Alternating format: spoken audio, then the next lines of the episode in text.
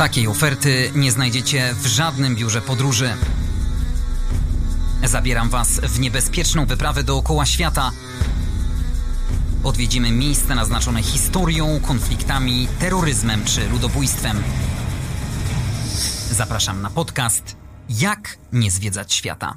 Andrzej Gliniak, witam Was w 63. odcinku, którego patronem są KANS, Karkonoska Akademia Nauk Stosowanych w Jeleniej Górze, Pozbet, profesjonaliści z branży konstrukcji betonowych oraz Entrak, europejski lider wśród dostawców części do maszyn budowlanych. Zachęcam do subskrybowania konta podcastu na Spotify i YouTube oraz lajkowania strony Jak nie zwiedzać świata na Facebooku. Dziś wysokie loty i to dosłownie, bo razem z moim gościem zabieramy Was na wyprawę pod jeden z najwyższych i najtrudniejszych do zdobycia szczytów świata K2, który znajduje się na granicy Pakistanu i Chin. Maciej Abramowicz podjął rękawice i zdecydował się na tę wymagającą wyprawę. Dzień dobry.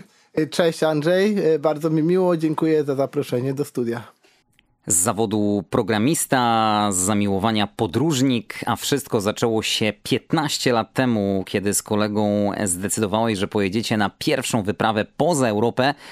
I to od razu z rozmachem, bo chcieliście przejechać koleją transsyberyjską przez Rosję, po czym zobaczyć Chiny, Tybet, Nepal i wrócić z Delhi do domu. Osiem miesięcy później byliście już w podróży. I tak zaczęła się Twoja wielka przygoda i jednocześnie największa pasja. Maciek, ciężko porównywać e, podróż koleją transyberyjską do wspinaczki pod K2, ale myślę, że oba śmiało można tu użyć słowa wyzwania. To niesamowite wspomnienia na całe życie.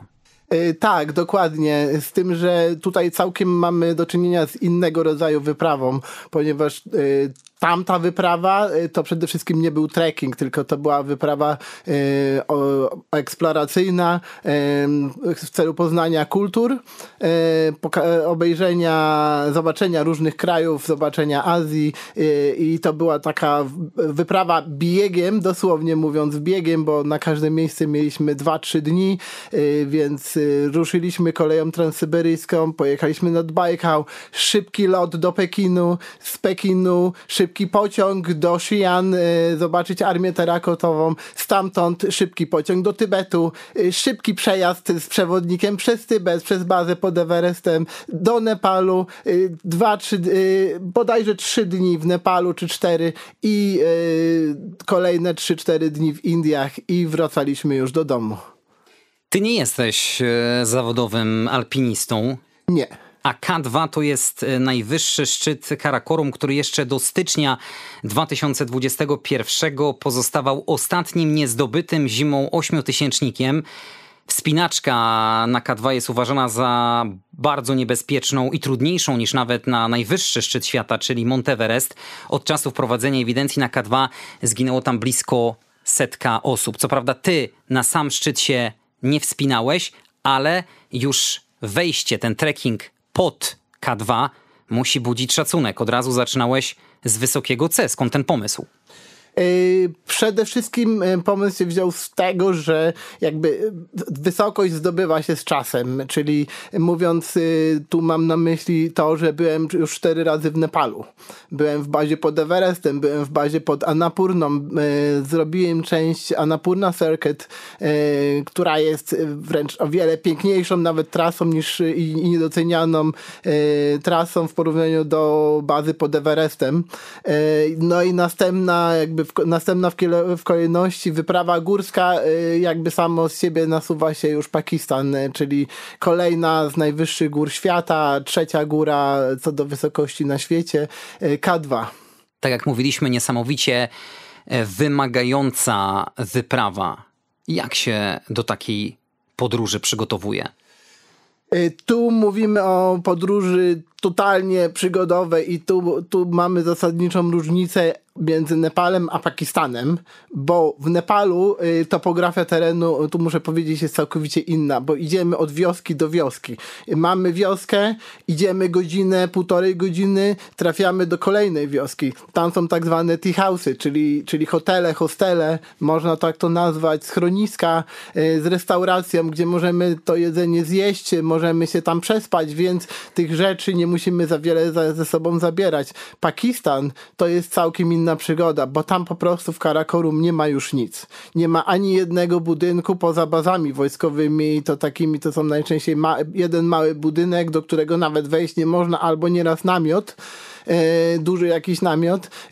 Nie można tam się nawet do tej bazy zbliżyć, więc cokolwiek nam, czegokolwiek nam zabraknie, wody chociażby, nie wiem, jedzenia, to po prostu głodujesz.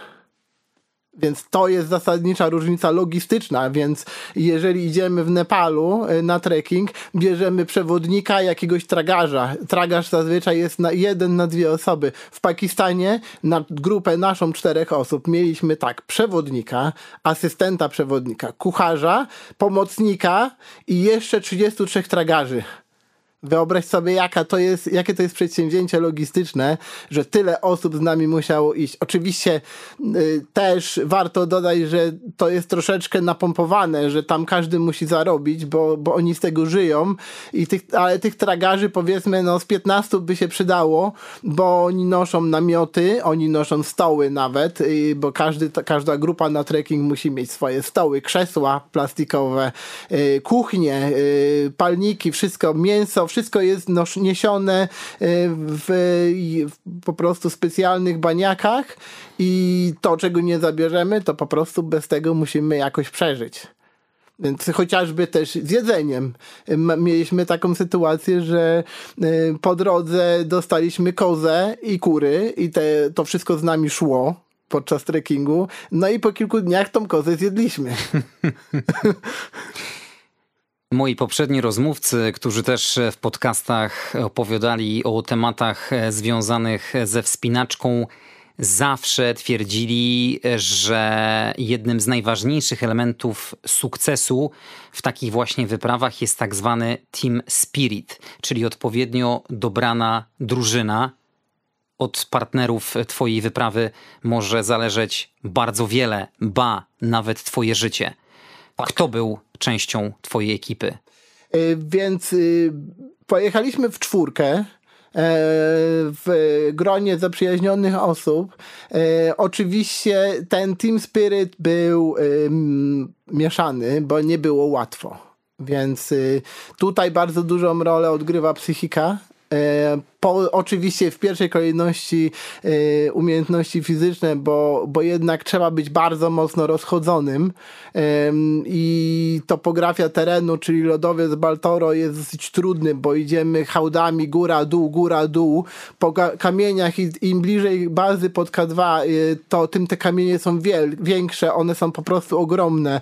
Mamy szczeliny między tymi kamieniami. Była jedna z osób, jed, na przykład nasz kucharz, który zasłabł, więc wyobraź sobie, jak, jak wycieńczające jest to nawet dla, dla Pakistańczyków, nawet tragarze narzekali, że jest źle. Mieliśmy y, tutaj y, na przykładowo też y, osobę, która nie była tak do końca przygotowana do tego, niestety i, i to, to się odbiło, że ta osoba miała problemy później i fizycznie i z pogodzeniem się psychicznie z tym, że jednak może to nie jest dla niej.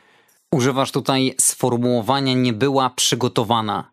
Co w takim razie jest niezbędne, jeśli chodzi o takie przygotowanie? Jak to można rozumieć? E, przede wszystkim e, my żeśmy założyli sobie grupę na Whatsappie wśród naszych czterech osób i motywowaliśmy się praktycznie codziennie, e, kto co robi prawda? Czyli czy kto, ktoś, jedna osoba była, powiedzmy, pojechała na basen, druga osoba jeździła na rowerze, ktoś inny, nie wiem, biegał ktoś inny poszedł w góry, więc staraliśmy się bardzo regularnie przez te pół roku przed tym trekkingiem chodzić, y, czyli przede wszystkim jeżeli na przykład, y, ponieważ ja jestem z Karkonoszy, jeżeli y, wszedłem na tą śnieżkę, wybierałem najtrudniejszy szlak, czyli kotłem łomniczki e, i żeby przynajmniej e, nie robić zbyt wielu odpoczynków, żeby nie czuć się zmęczonym, e, też odległość jest istotna, czyli zrobienie na przykład takiej trasy ze Szklarskiej Poręby do Karpacza górami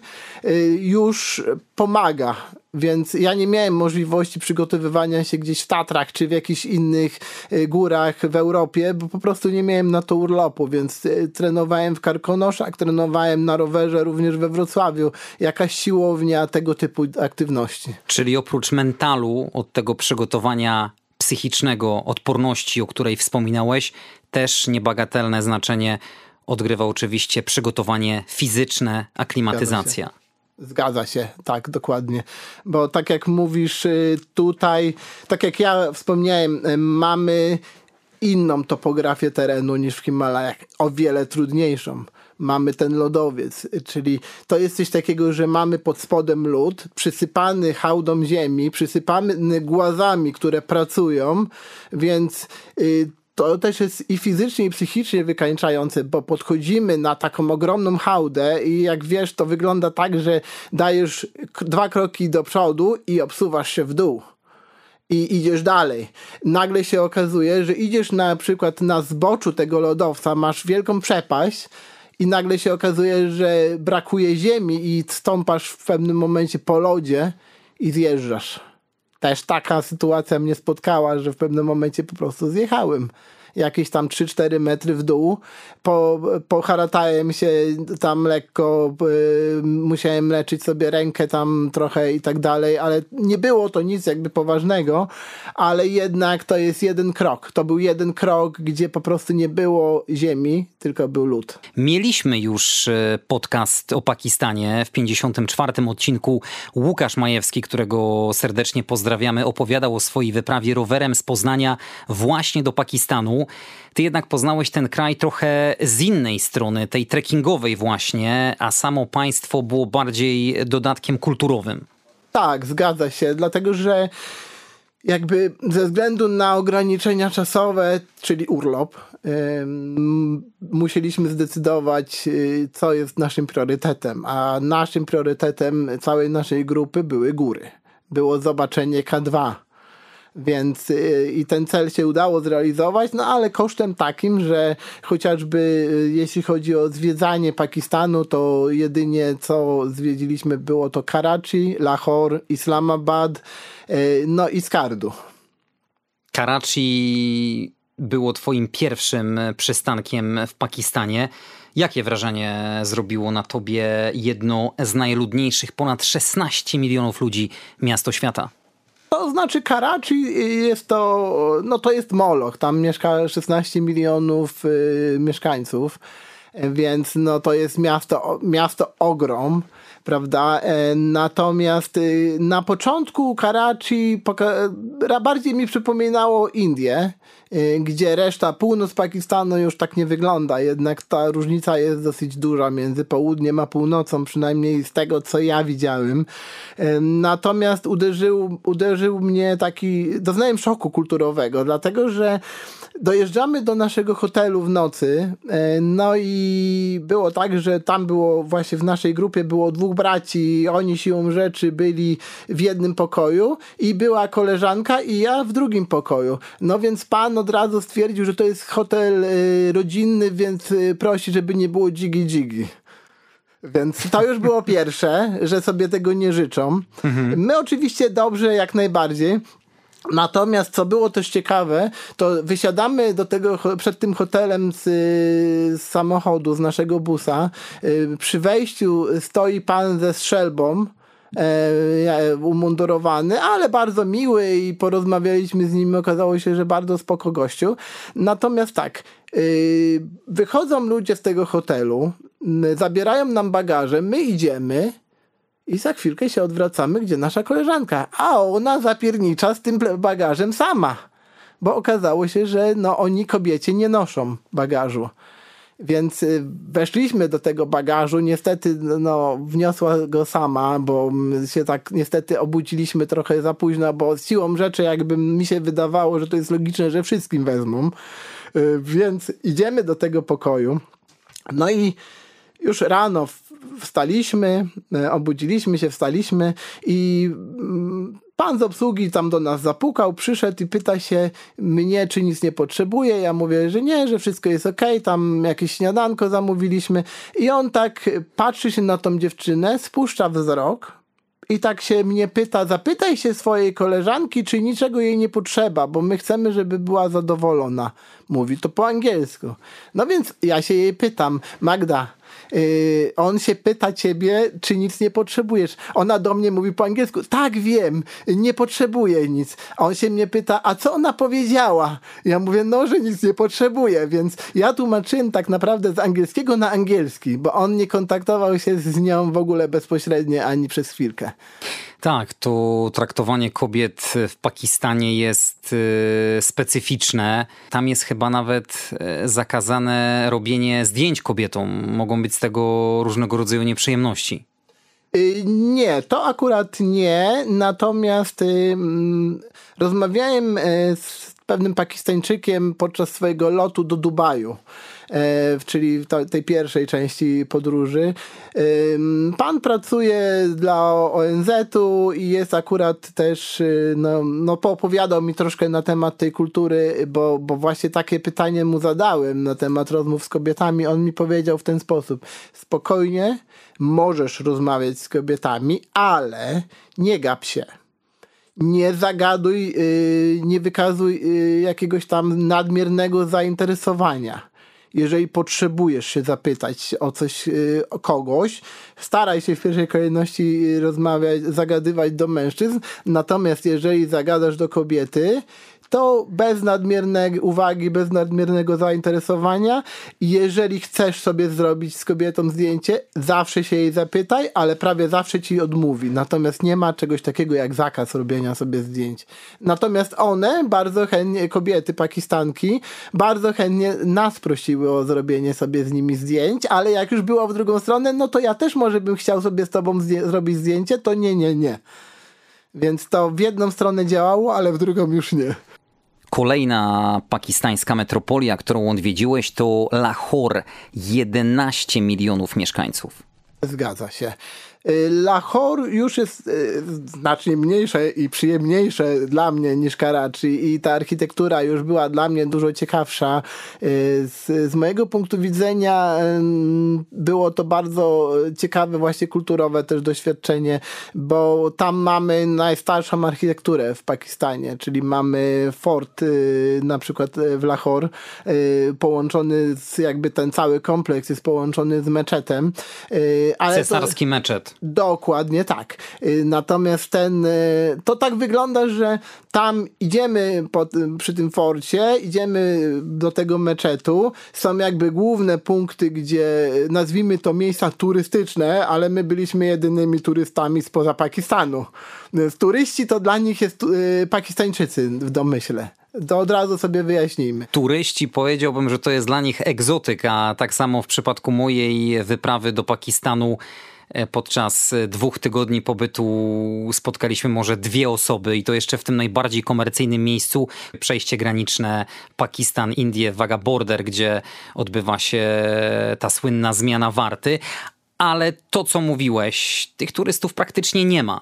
Dokładnie. E, turystów tak naprawdę spotyka się na trekkingu i nawet samym Skardu, które wydawałoby się, że to takie pakistańskie taka Pokara, jak w Nepalu, w Nepalu miasto Pokara, to tak wydawałoby się, że Skardu będzie taką Pokarą, yy, bo w Pokarze możemy kupić wszystko, mamy ekskluzywne sklepy, yy, więc wszystko jest totalnie naprawdę ekskluzywne hotele, wszystko jest yy, przygotowane pod turystę, tak Skardu to jest po prostu miasto dla Pakistańczyków i, i turystów praktycznie tam też nie było, y, więc y, mimo, że to jest baza wszystkich Himalajstów, y, jeśli chodzi o wyjścia i w, pod K2 i pod Nanga Parbat, bo Karakorum przecież jest ogromne i mamy te dwie góry, przynajmniej mamy też Gaszelbrumy, tam gdzie na przykład polska ekipa zdobywała kilka z tych Gaszelbrumów. Ale zostając jeszcze w Lahore i szukając rzeczywiście tych turystycznych atrakcji, to przynajmniej dla mnie rzeczywiście duże wrażenie robi cesarski meczet, który zbudowany był przez ostatniego z wielkich Mongołów. Jest to jeden z największych meczetów e, na świecie i ogrody e, Shalimara, e, które utworzono w stylu perskim w XVII wieku zapanowania władcy Imperium Mongołów i te ogrody zostały wpisane na listę Światowego Dziedzictwa UNESCO. Tam można kolokwialnie mówiąc się wychillować, odpocząć, pospacerować. No nie jest to takie wcale yy, łatwe, dlatego że chillowanie w Pakistanie wiąże się z tym, że mamy yy, gromadkę Pakistańczyków, którzy chcą sobie z nami zrobić zdjęcia na każdym kroku. Czułeś się jak Yy, celebryta, celebryta? Tak, tak, tak, tak, dokładnie. Można powiedzieć, że jakbym był, nie wiem, jakimś znanym yy, piosenkarzem, czy, czy nie wiem, czy aktorem ale na dłuższą metę było to bardzo męczące, pozując do zdjęć niemal wszędzie po kilkanaście, nawet kilkadziesiąt razy dziennie. Tak, to, to właśnie, jest, y, właśnie jest to, że na krótką metę jest fajnie y, i oni są naprawdę mili i to są naprawdę, to jest to są najbardziej chyba mili ludzie na świecie, y, jakich ja poznałem podczas swoich podróży. Y, I oni o tyle są fajni, że oni praktycznie robią to, podchodzą y, nie dlatego, że mają jakiś interes, y, bo na przykład w Indiach mamy y, z, tym, z tym jest duży problem, że każdy podchodzi do ciebie, bo chce coś od ciebie, chce na tobie zarobić. I jest, czułem się tak w Indiach na przykład traktowany jak chodzący portfel, natomiast tu nie, tutaj było fajnie, bo oni, oni tylko chcieli sobie zdjęcie zrobić i to do tego stopnia, że słuchaj, idziemy sobie przykładowo po, po mieście, po ulicy, nagle słyszymy pisk opon, bo nas zobaczył ktoś i po, zatrzymał się i nas pozdrawia i mówi zrób mi zdjęcie i pozdrawiam, witajcie w Pakistanie, jesteście tu mile widziani. I, i dalej pojechał. I na przykład niektórzy to już, już tak naprawdę mieli wyrafinowane sposoby, bo pani nam powiedziała, że zatrzymała się tak z piskiem hamulców i mówi do mnie, że ona pracuje dla telewizji i że ona chciałaby z nami wywiad sobie zrobić. No i wyciąga jakiś tam telefon i na tym komórkowy, więc już coś podpadające było i ona mówi, y, słuchajcie, zro zrobię z wami wywiad, zadam wam, powiem wam, co macie powiedzieć i wy to powiedzcie. No i zaczyna nagrywać i mówi, powiedzcie hello Subi, bo ona się nazywała Subi.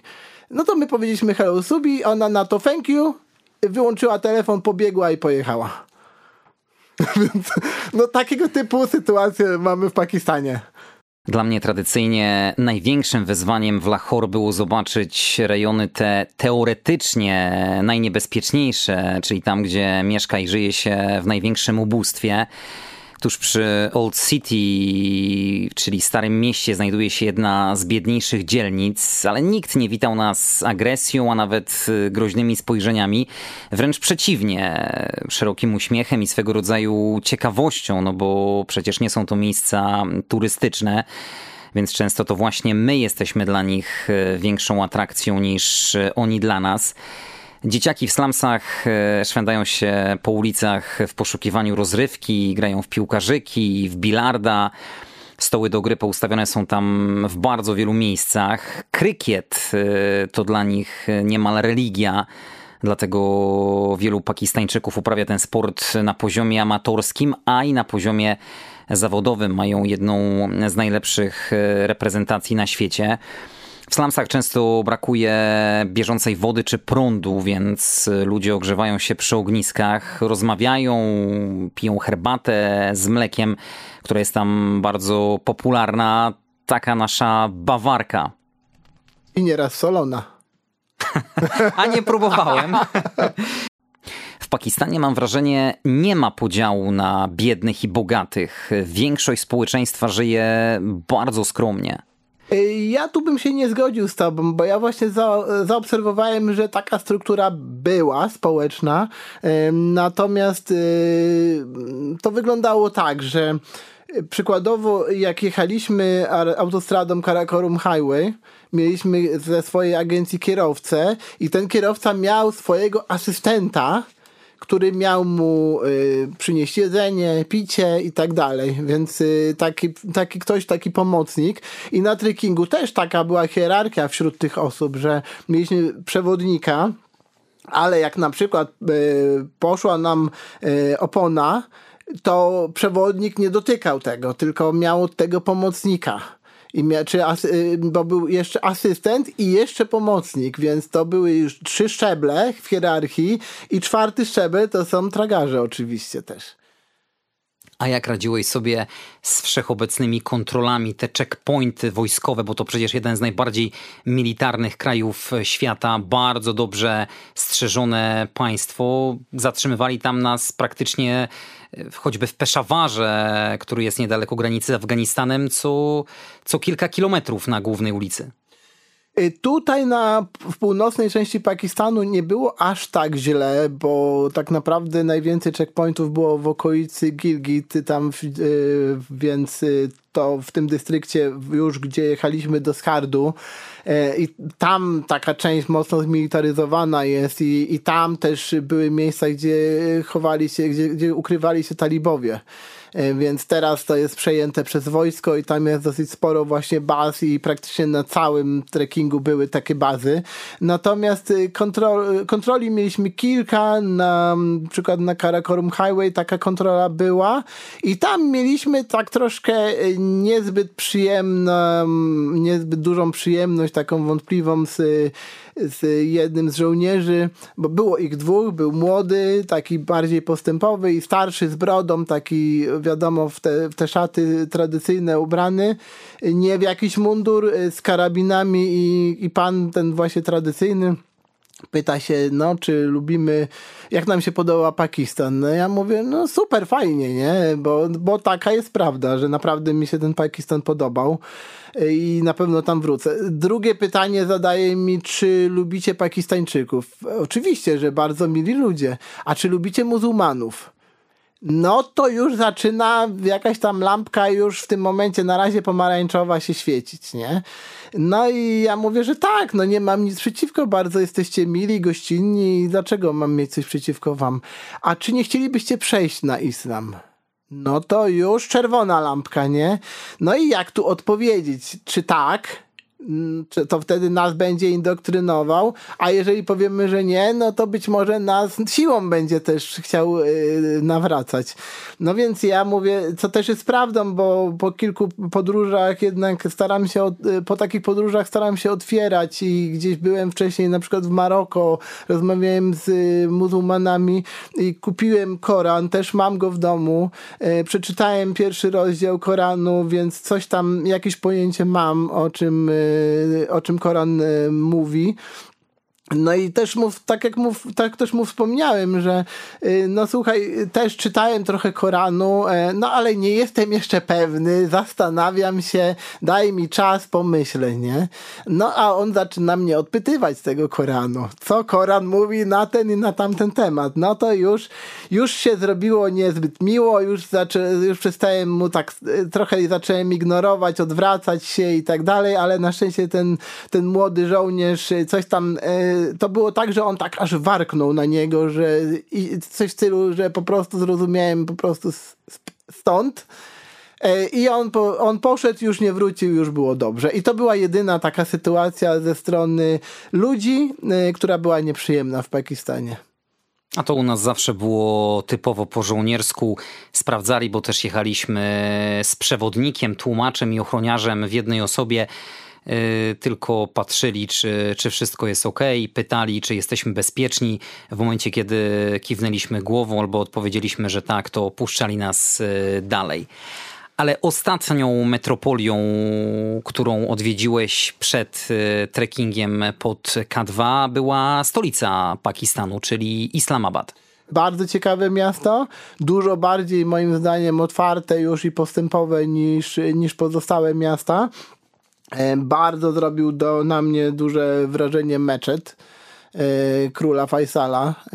Narodowy meczet tego kraju, jeden z największych meczetów w Azji Południowej.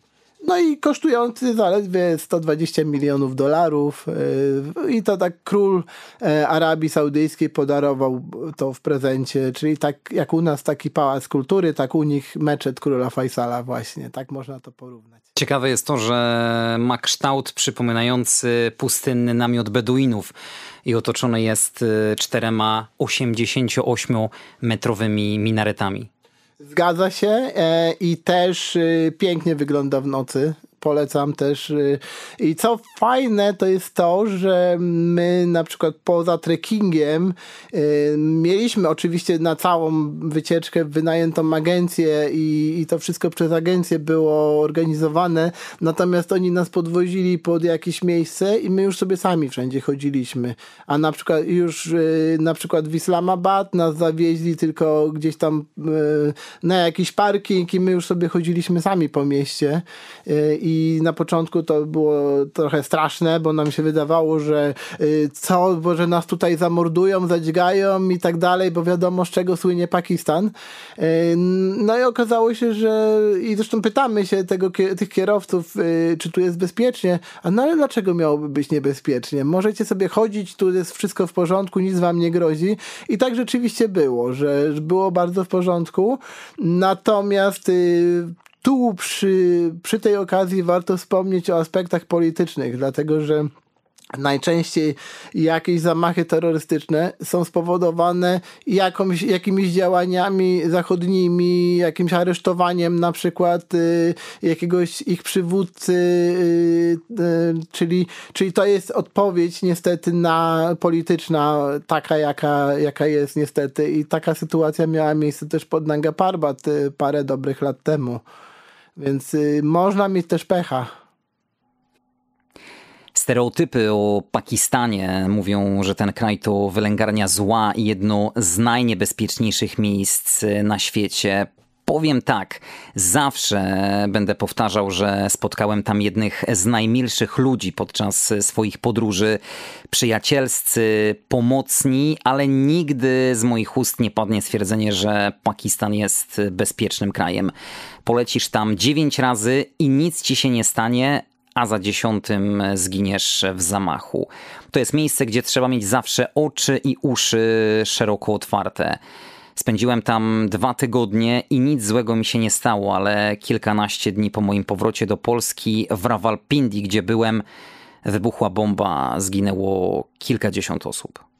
No niestety tak też jest i tak jak, tak jak mówię, no, były osoby, które miały pecha. Tak to niestety trzeba określić i a na szczęście my tutaj nas nic złego nie spotkało i mam jak najlepsze i, i najcieplejsze słowa mogę tu kierować pod kątem Pakistańczyków. Natomiast y, też y, zdaję sobie z tego sprawę, że no nie wszędzie lepiej wchodzić. A już opuszczając Islamabad, warto jeszcze zaprosić naszych słuchaczy, którzy planują wyprawę do stolicy Pakistanu, żeby zobaczyli pomnik Pakistanu. E, to jest pomnik Narodowy i Muzeum Dziedzictwa Kulturowego. E, pomnik ten został zbudowany, aby symbolizować jedność narodu pakistańskiego. Też bardzo ciekawa budowla. No ja akurat tam nie byłem.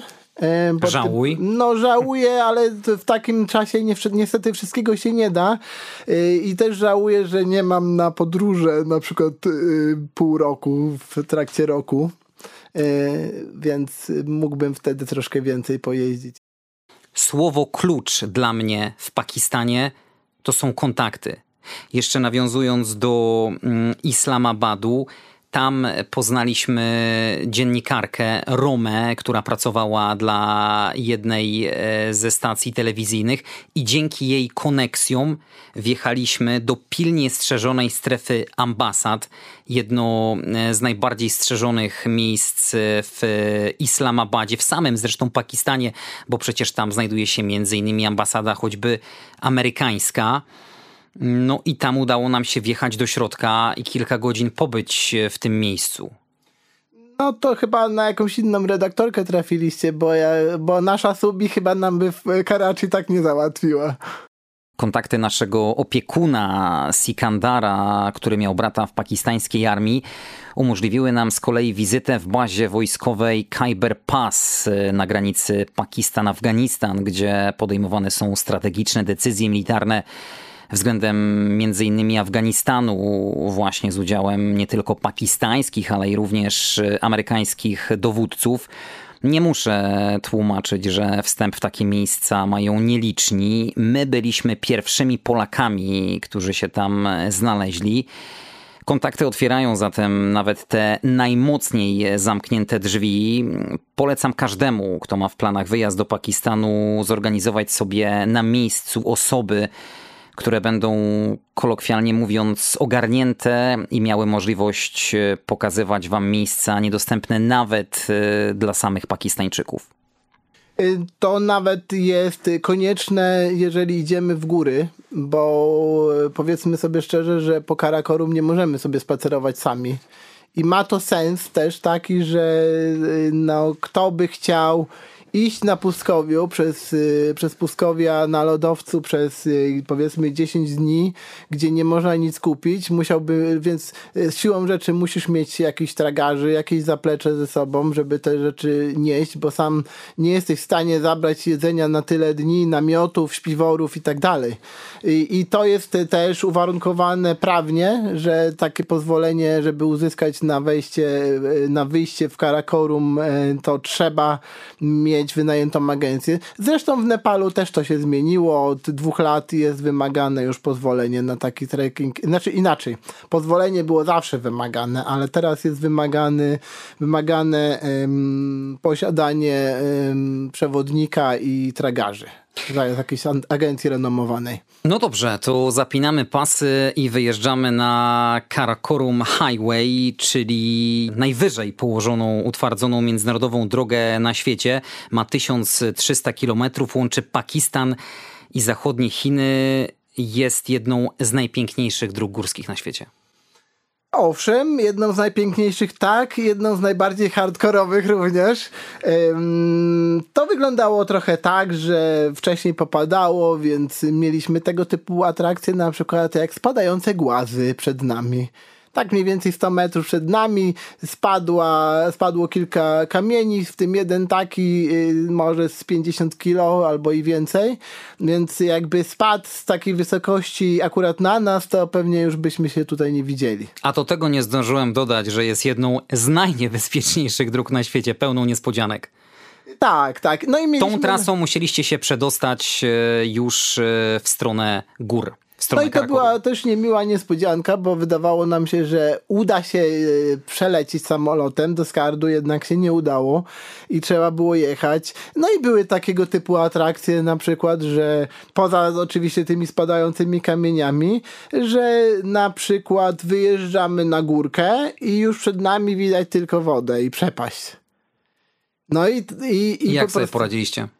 No co no, śmialiśmy się, bo co, co innego zrobić, odwracaliśmy wzrok, y, bo, bo nie wiadomo, co nas czeka po prostu, nie? No na szczęście do, przeżyliśmy, ale... Serpentyny robiły były, wrażenie? Tak, tak, robiły wrażenie. Nie mogłeś się najeść przed wyprawą.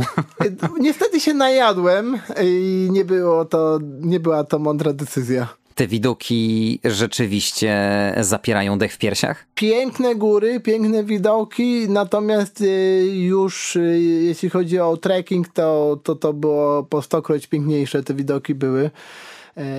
I jak szliśmy z tych obozów i widzieliśmy najwyższe góry świata, to, to dopiero jest coś. Ile czasu zajęło wam e, przejechanie Karakorum Highway? 20 godzin? Koło jakoś 18-20 godzin, coś takiego to, to wyglądało. Wyjechaliśmy po południu, chyba bodajże godzina jakoś 16 z Islamabad. W nocy obiadek o godzinie pierwszej w nocy. Więc y, i już pierwsze, też w ogóle pierwsze rozmowy właśnie takie były tam z naszymi przewodnikami, z ludźmi, to też za chwilkę możemy do tego wrócić, bo te ciekawe tematy były poruszane. Natomiast tak, y, około godziny bodajże piątej czy szóstej rano byliśmy w Skardu, więc no trochę tych godzin było jazdy. Dosyć długi czas w nocy, więc na szczęście nie było y, tak strasznie. No trzeba przede wszystkim było mieć chyba za zaufanie do kierowcy, tak, tak. I, I to dopiero zaufanie to przy powrocie to, to trzeba było mieć tym bardziej, bo już jechaliśmy nad samymi przepaściami to już było naprawdę, naprawdę było ostro. Tym bardziej, że mm, ty albo koledzy ciężko byłoby zastąpić kierowcę, bo tam jest przecież ruch lewostronny.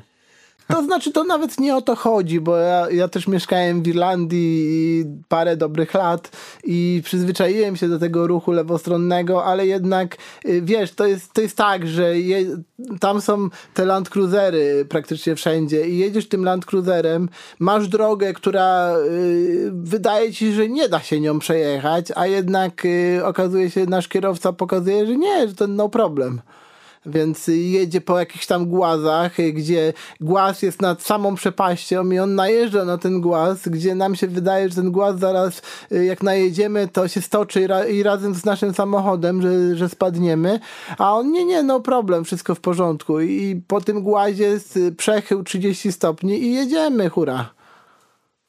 Co było zwieńczeniem e, waszego przejazdu przez Karkorum Highway? Gdzie dojechaliście? Do Skardu.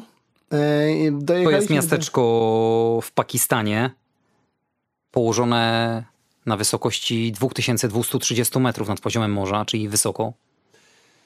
Yy, tak, tak. I no i co? No pierwsze co, to poszliśmy spać bo wiadomo, wykończeni po prostu po trasie, ale hotel mieliśmy fajny i okazuje się, że w tym hotelu nasze polskie ekipy himalajstów nocują bardzo często i tam na przykład nocował Adam Bielecki i e, Krzysztof Wielicki.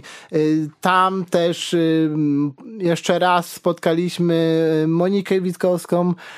Tam była ekipa akurat Aleksa Tikona, też znanego himalaisty. Powiedzmy więc... tylko, że Monika Monika Witkowska to jest podróżniczka, himalaistka, żeglarka, pisarka, dziennikarka, przewodniczka wypraw trekkingowych. Tak, tak. Człowiek orkiestra, bardzo fajna osoba, e, bardzo kontaktowa, przyjazna i też mieliśmy właśnie okazję ją poznać w Basecampie, ale czyli w bazie, e, z której startują Himalaiści. E, ona wtedy atakowała w tamtym roku Broad Peak. Ale nie udanie no nieudanie też nie, z, nie do końca z jej winy, bo, bo to wygląda, taki atak na górę, to, yy, to wygląda w ten sposób, że w Nepalu mamy szerpów, e, w Pakistanie mamy hapów, czyli tak zwanych high altitude porters. To są e, tragarze wysokościowi, e, przewodnicy wysokościowi, którzy poręczują liny, przygotowują trasę.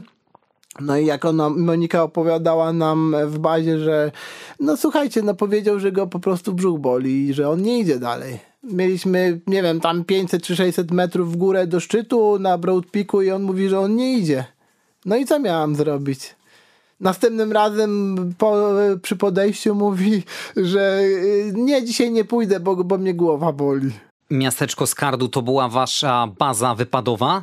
Pod K2? Y, to nie była, znaczy inaczej, Skardu jest samym, jest, jest to baza wypadowa w, do, w góry, to znaczy inaczej, to jest miasto, które jest jednak dosyć mocno oddalone od y, punktu wyjściowego w góry, bo tam jeszcze się jedzie jakieś 7-8 godzin trzeba jechać jeszcze tak zwaną Ascoli Highway jedziemy do miasta Ascoli. To jest ostatnie miasto, gdzie jest jakiś jeszcze y, zasięg telefonów, gdzie można jeszcze się pożegnać, bo kto wie, czy wrócimy. Y, oczywiście żartuję, ale po tym, co przeżyliśmy, no to teraz pewnie bym się wstępnie żegnał bo nigdy nie wiadomo, co nas czeka. No i wyjeżdżamy z tego Ascoli i dopiero wtedy startujemy z takiej bazy. W, najpierw rejestrujemy się w Jola. Y, tam jest taka baza wojskowa, gdzie trzeba pokazać, że się ma pozwolenie zarejestrować, bo to też ma jakiś sens, dlatego że jeżeli nie wrócimy z tych gór, to oni wiedzą, że trzeba nas szukać, bo tam nie ma zasięgu telefonicznego, żadnych komórek nie ma, nic tam nie działa. Dopiero w Concordii jest jakiś szczątkowy zasięg, bo niedaleko Broad Peaku wybudowali bazę, przekaźnik GSM niedawno. Mówiliśmy na wstępie o tych e, warunkach, e, tym anturażu, tej otoczce, którą trzeba spełnić, e, żeby wszystko było dopięte na ostatni guzik, czyli ten mental, psychika, fizyczność, aklimatyzacja, ale przecież bardzo ważną rolę moim zdaniem odgrywają warunki atmosferyczne. Jaką pogodę mieliście w momencie rozpoczęcia waszej wyprawy pod K2. Y, pozwól, że jeszcze dodam, że, po, że jeszcze w ramach tego przygotowania trzeba się też przygotować właśnie na inną kulturę to już to też warto dodać, bo wiele osób ma opory w ogóle przed wyjazdem do tego kraju i większość y, ludzi mówią, że jestem głupi chyba, że pojechałem do Pakistanu, mówiąc tak wprost, y, więc y, że, że nikt normalny tam nie jeździ. Ale pomijając już ten temat, jeśli chodzi o pogodę, no to jest największy problem tego trekkingu, dlatego że w dolnych obozach mamy temperatury w ciągu dnia powiedzmy plus 30, plus 35 stopni, więc no jest żar.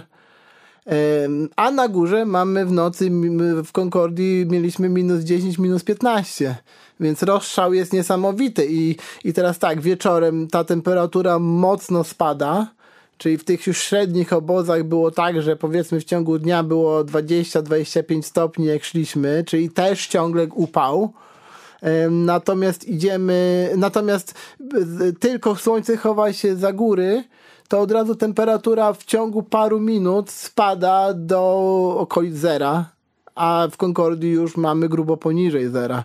Więc y, tak naprawdę y, trudno jest y, się spakować nawet na taką wyprawę, bo czy, czy bierzemy buty letnie, czy zimowe i tak źle, i tak niedobrze. Czy bierzemy śpiwór gruby, zimowy, czy bierzemy cienki śpiwór. Lep jednak ja wziąłem rzeczy zimowe, e, znaczy buty szczególnie i, e, i tu mówię o, o śpiworze, bo wiadomo, kurtka i tak dalej, to, to, to zawsze się bierze takie rzeczy.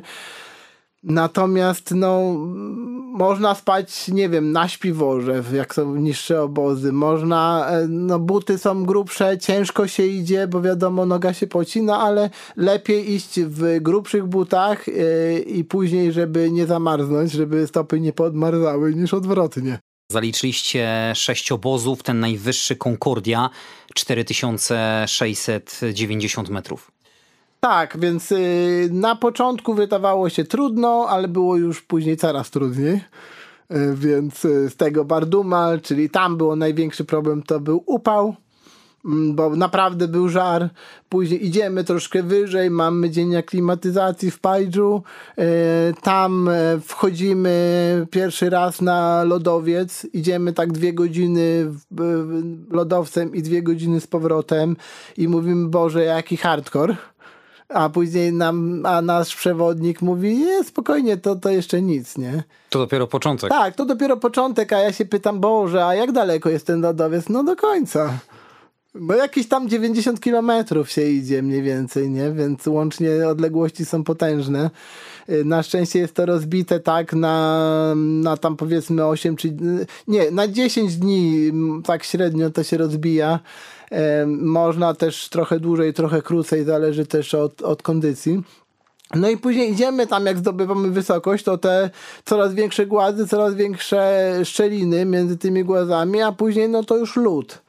Więc tego lodu było sporo i idąc do na przykład do bazy pod K2, więc to było tych ryzyk sporo, bo można było sobie skręcić kostkę, można było się potknąć, można było wpaść do szczeliny, z niektórych już siebie nie wyszło.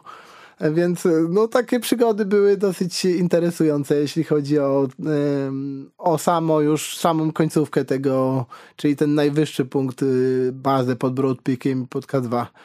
Wychodzisz, wychodzisz o godzinie 6 rano, czyli jak jest wschód słońca, o 6 wieczorem jest zachód. Czyli masz 12 godzin, żeby to zrobić i mniej więcej 6 godzin się idzie w jedną i 6 godzin w drugą stronę.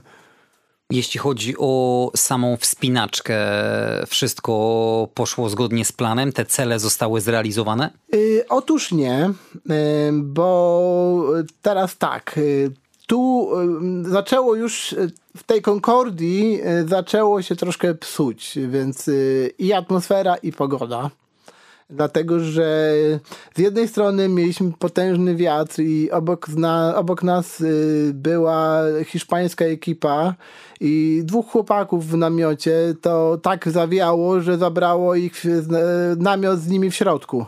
To tam parę metrów przelecieli, no ale, ale mimo wszystko jednak. Więc wyobraź sobie, jak mocno to wiało. Naszą kuchnia, nasz namiot kuchenny też cały zwiało, więc zbieraliśmy to wszystko później rano więc tam nasi znajomi przewodnicy i tragarze stali, podpierali to wszystko sobą, żeby to jakoś tam e, nie, nie poleciało w ogóle gdzieś tam do Stanów, bo naprawdę wiatr wiał taki, że... Do Chin że, prędzej. No, no, no, dokładnie, no może tak, ale, no, ale wiał bardziej, że dalej można dolecieć niż do Chin. Więc y, w każdym razie tak to wyglądało i później jeszcze była sytuacja taka, że ta jedna z osób z naszej grupy, która nie była do końca przygotowana też e, i nie miała kondycji, no i mieliśmy iść na przełęcz Gondogorola. E, to jest taka przełęcz, gdzie trzeba używać czekanów, raków, e, idzie się po lodzie, e, ta, wchodzi się na górę, tam jest minus 30 stopni, wieje, śnieżyca była tam na tej przełęczy. Trzeba iść w nocy, zejść, tam przed wschodem słońca zaliczyć szczyt tej przełęczy i przejść na drugą stronę e, rano, e, tak żeby przed, e, żeby jeszcze słońce nie świeciło mocno, bo tam się rozpuszcza ten lód i spadają na głowę głazy. Więc tej jednej osobie z grupy nasz przewodnik powiedział, że ona ma 5% szans na przeżycie. I ta osoba powiedziała, że ona idzie. Że to jest jej życie i że ona y, ro, ma prawo robić co chce, że jest dorosła i że ona pójdzie i koniec. Co wy na to? Powiedzieliśmy, że nie. Była awantura o to. No, bo jednak ja też nie chciałem podjąć takiej odpowiedzialności jako osoba, która organizowała, wprawdzie niekomercyjnie, ale jednak dla grupy przyjaciół tą wyprawę, jednak nie chciałbym mieć y, tutaj y, osoby, przywozić osoby w worku. Więc y, tutaj był ostry sprzeciw z mojej strony, ostry sprzeciw ze strony przewodnika. No i jak twoja siła perswazji? No, nie było miło. Natomiast y, ostatecznie się okazało, że przyszło mocne załamanie pogody i każdy z nas miał takie podobne szanse na przeżycie, więc podjęliśmy decyzję z ulgą na sercu naprawdę, że tamtędy nie idziemy, bo uważam, że mm, wiesz co, odwaga odwagą, ale życie jednak jest jedno. I jeszcze trzeba trochę myśleć, jak się idzie na taki trekking że mm, warto jednak, jest, y, że jest do czego wracać. Najwyższa wysokość, którą zaliczyliście, co to było za miejsce? 5100 baza pod K2. Y, ciekawe też doświadczenie, rzadko, już takie bardzo rozrzedzone powietrze, więc tutaj y, no, aklimatyzacja to podstawa jednak do tego i y, choroba wysokościowa jak się pojawia, no to, to trzeba jak najszybciej schodzić niżej. Najczęściej to jest też tak, że nigdy nie wiesz, czy cię dopadnie, czy cię nie dopadnie. Jak, jak ja byłem cztery razy w Nepalu, to trzy razy miałem chorobę wysokościową. I to też tak wygląda, że masz objawy, powiedzmy, silnej grypy, prawda? Boi cię mocno głowa, katar, kaszel, masz problemy z oddychaniem, jesteś osłabiony chce ci się wymiotować i tego typu rzeczy. Po czym na przykład ja położyłem się i dokładnie, mm, nie wiem, w ciągu jednej minuty, po paru godzinach oczywiście leżenia, w ciągu jednej minuty wszystko zniknęło.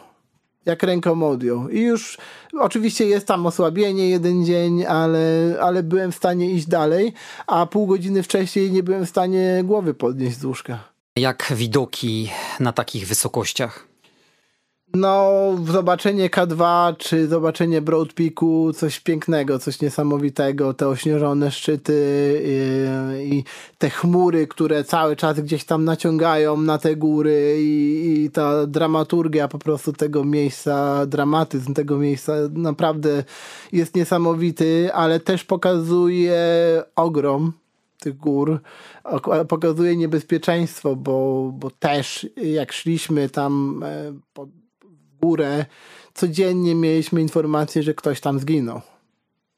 O tym się nie mówi, tak, I, ale my mówiliśmy, rozmawialiśmy z z różnymi grupami, bo, bo w Pakistanie tam się wszyscy znają, więc ci przewodnicy mijając się nawzajem sobie opowiadają, co się wydarzyło.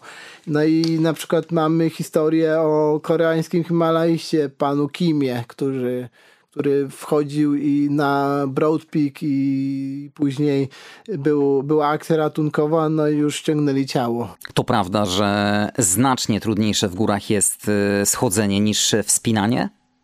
Do wspinania się nie odniosę, bo się nie wspinałem, ale schodzenie było trudniejsze, jeśli chodzi o trekking. Y, no bo tutaj y, też no zjeżdżasz.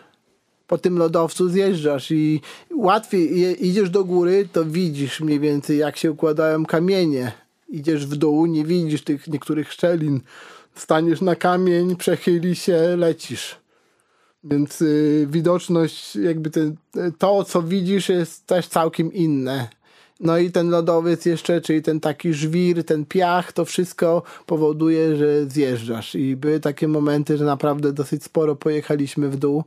Y, no ale przy powrocie mieliśmy też y, tam na dole przeszła, przeszły ulewy więc y, szliśmy, o ile na, pod górę szliśmy, było fajnie, bo było sucho, no fajnie w cudzysłowie, bo upał był jak, jak nie wiem yy, i ciężko się szło, ale idąc w dół, no to były takie momenty, że trzeba było iść po zboczu takiego, takiej skały, i był tam przeciągnięty drut telefoniczny dla wojska, trzeba było się trzymać tego drutu, y, żeby nie wpaść do tej rwącej rzeki.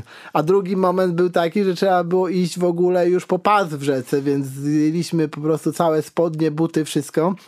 Przywiązaliśmy się liną i szliśmy jeden za drugim przez, y, przez tą rzekę. Więc no były przygody naprawdę ciekawe. Miałeś wiele momentów zwątpienia? Tak, y, były moment pod K2 był bardzo ciężki, dojście pod samą bazę pod K2. Ten, ten dzień, te 12 godzin było trudne, bo mówię, wychodzisz o 6 rano, kiedy wszystko jest zmarznięte, jest ślisko i te szczeliny w lodowcu, to nigdy tego nie zapomnę, bo idziesz, obchodzisz ten lodowiec, a tu nagle masz, masz szczelinę wielkości, nie wiem, 100 metrów i musisz ją obchodzić gdzieś, nie? I musisz uważać, bo jesteś nad samą przepaścią i noga ci się poślizgnie i lecisz. Więc y, to było, to było ostre, to podejście. Y, no i powrót, tak jak mówię, przez te rzeki rwące, więc trzeba było się zastanowić, co dalej. Czy, y, no i później jeszcze oczywiście, o czym pewnie za chwilkę powiemy, będzie jazda samochodem powrotna, bo to to też było ciekawe doświadczenie. A jeśli chodzi o samą wyprawę pod K2, jakieś wskazówki dla naszych słuchaczy, którzy byliby zainteresowani takim trekkingiem? Yy, przede wszystkim jedźcie najpierw do Nepalu Zróbcie bazę pod Anapurną na przykład. Y, najlepiej Anapurna Circuit jest troszkę wyżej. Czy nawet tam Everest Base Camp, y, żeby zobaczyć jak się czujecie w ogóle w takich warunkach. To taka, to jest taka wersja light jeszcze, nie? Taka wersja, gdzie jesteście bezpieczni, możecie sobie przenocować sobie w wiosce, możecie zjeść nawet i pizzę, spaghetti bolognese, nawet serwują pod, w bazach pod Everestem, tam w tych, w tych hostelach więc no, jedzenie jest jak najbardziej pod turystę, oczywiście jakoś to jest co innego, ale dobra, ale to jest takie całkiem jeszcze spokojny, taki bezpieczny trekking. Jeżeli po tym trekkingu będziecie czuli się w miarę na siłach, że na luzie go zrobiliście, e, spokojnie możecie próbować wtedy Pakistan. E, no ale tak jak mówię, to już wymaga doświadczenia górskiego trochę i nie tyle wspinaczki jakiejś, chyba że chcecie Gondogorola robić, to rzeczywiście jest to potrzebne, żeby umieć obsługiwać się z czekanem, z rakami. Y, natomiast sam trekking, no to przede wszystkim być dobrze rozchodzonym fizycznie y, no i chodzić na długie dystanse, umieć chodzić na długie dystanse w górach. Deser zostawiasz na koniec, czyli powrót samochodem? Tak, tak. No więc y, okazało się, tak jak już wspomniałem, jak szliśmy w dół, y, były już te ścieżki były zalane. Znaczy, inaczej, tam nie było ścieżek. Tam się szło po prostu po kamieniach. Jak idziesz tak, tak, żeby po prostu gdzieś tam dojść i trasę trzeba sobie wytyczać y, samemu czasami. Więc y, na jednej z takich, więc jed, na jednym z odcinków zresztą wytyczaliśmy trasę, bo lodowiec tak popracował po, po deszczach, że nie było starej trasy już, nie istniała. I tam właśnie nasz kucharz zasłabł, pakistańczyk. A wracając do jazdy już, więc jesteśmy już na dole w Bardumal, ładujemy te wszystkie rzeczy, 30 chłopa na, z naszymi bagażami, ze wszystkimi bagażami na, na ciężarówkę, na pakę i jadą. My jedziemy bardziej komfortowo, za nimi jedziemy. Ta ciężarówka już się tam e, kolebie na lewo i na prawo, już mamy wrażenie, że zaraz wszyscy polecą w przepaść bo to tak naprawdę tak wyglądało na, mm, przed nami. No i jedziemy, już tak odpoczywamy, fajnie, dojeżdżamy do jakiejś tam pierwszej wioski. I tam już coś widzimy, rozmawiają przewodnicy, już mina im zrzedła, coś się dzieje. Podchodzą do nas, mówią: Słuchajcie, nie ma drogi. Jak to nie ma? No, most zalało i zerwało. Tak lało, że, że nie ma mostu. No dobra, no pojechaliśmy tam w to miejsce. O, wielka wyrwa. No i co, bierzemy swoje plecaki, tam, bo tragarze zostali już odprawieni, zostało kilku tylko, bierzemy te plecaki, yy, oni już w międzyczasie zorganizowali nam po drugiej stronie drugiego jeepa, po drugiej stronie przepaści, więc mieliśmy trekking, że musieliśmy iść w dół przez koryto, przez rzekę przejść, wspinać się z powrotem y, na drogę. E, musieliśmy tam dojść do tego jeepa, zapakować się, jedziemy. Już szczęśliwie, że już jest dobrze. Że już jesteśmy tak. w domu. Nie, nic bardziej mylnego. Było już tylko gorzej. No bo teraz tak. Jedziemy, nie wiem, dwie, trzy godziny dalej. Znowu nie ma drogi. Mamy masę kamieni, błoto, yy, totalnie po prostu zalana droga, po której wydaje nam się, że się nie da przejechać, no ale no oni tam e, wzięli y, takimi rurami, jakimiś kijami, co tylko tam było pod ręką, te kamienie wielkie poprzesuwali i jedziemy dalej. To tam zajęło mniej więcej tam, nie wiem, pół godziny, do godziny maksymalnie jedziemy dalej. I co, wydaje nam się, że to już koniec. No i teraz ostatni właśnie punkt, gdzie jest już ciemno, zaczyna się robić ciemno, wielka wyrwa. Po prostu mówimy, nie, nie ma szans. Nie ma szans, a za nami kamienie spadają już w przepaść, tam nad nami, nie? Więc nie wiemy, gdzie jest bezpiecznie, bo za nami co chwilę kamienie już spadają z góry, a przed nami wielka wyrwa. No i co tu zrobić teraz? Pakistańczycy się tak zaczęli zastanawiać, wypakowali wszystko, co mieli z tych samochodów i znowu jakieś tam rury, jakieś kije i w ogóle te wielkie głazy przywiązywali, po 10 osób przetaczało te głazy i słuchaj, wybudowali nam drogę. To trwało tam chyba z 5 godzin. Wybudowali, zawalili jakby część tej przepaści, wybudowali nam tą drogę, ale to tak wyglądało, że ledwo się samochód mieścił. I były głazy nad przepaścią, takie poukładane, Miejscami ich już nie było nawet.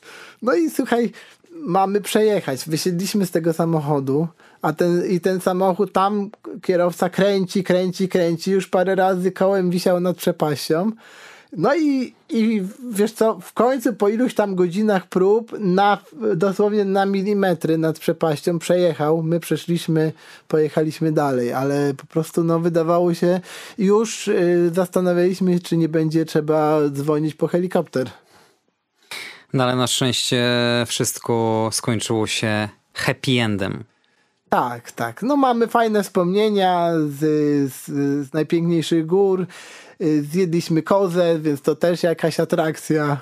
Zobaczyliśmy, jak wygląda Karakorum Highway, Ascoli Highway, jakie przygody się z tym wiążą, więc y, Na pytanie, czy Pakistan jest bezpieczny, też bym powiedział, że nie. I to nie tylko kulturowo. Maciek, na koniec pytanie, które zadaję wszystkim swoim gościom. Jak mocno taka wyprawa uszczupliła Twoją kieszeń? Y, po przeliczeniu całość nie było tak źle, bo to mniej więcej była kwota około 16 tysięcy złotych za tre- to, i to największą część tej kwoty, to największy koszt to był, yy, to był trekking. Mniej więcej 2,5 tysiąca dolarów taki trekking kosztuje. Yy, samolot, akurat przelot nie był taki drogi. Yy, mamy loty z Krakowa do Multan do Pakistanu. Z Fly Dubajem można polecieć i to jest też całkiem fajna opcja, bo te loty w granicach 3000 można w obie strony już złapać taki lot. Masz kogoś, kogo z czystym sumieniem polecasz y, do organizacji tego trekkingu już y, w samym Pakistanie? Tak, tu mogę polecić na przykład firmę Nanga Parbat Adventure Mam znajomych, jeżeli ktoś by się ze mną skontaktował, mam do nich kontakt, mogę przekazać też kontakt do przewodnika, do, do osób, które są, pracują w tej agencji możemy jakąś zniżkę ewentualnie spróbować z nimi załatwić, bo oni są na to otwarci. Y, zaufana już agencja, więc y, bardzo uczciwi ludzie. E, I też nadmienię, że jeden z przewodników Gani e, na przykład przez sześć sezonów chodził z Tomkiem Maskiewiczem w góry. No to w takim razie, gdzie ciebie można znaleźć w sieci, jeśli ktoś będzie chciał się bezpośrednio skontaktować? E, prowadzę bloga odkrywcyświata.com. Tam opisuję swoje wyprawy. Właśnie dodałem też swoją jedną z najnowszych wypraw do Ekwadoru ostatnio. No i tam się to portfolio tych wypraw się zwiększa, jeszcze będzie niedługo, za kilka może miesięcy, jak będę miał czas się tym zająć, e, będzie Kambodża, Wietnam, Tajlandia również. A dziś Maciej Abramowicz, Pakistan, moja droga pod K2, był gościem podcastu Jak nie zwiedzać świata. Bardzo dziękuję. Ja również dziękuję. A my tradycyjnie zapraszamy na stronę facebookową Jak nie zwiedzać świata. Tam Maciek udostępni kilka ciekawych zdjęć. Zapraszamy do słuchania na Spotify i YouTube, do subskrybowania tych kont naszego podcastu. My słyszymy się w kolejnym odcinku. Dziś dziękuję. Andrzej Gliniak. Pozdrawiam. Do usłyszenia.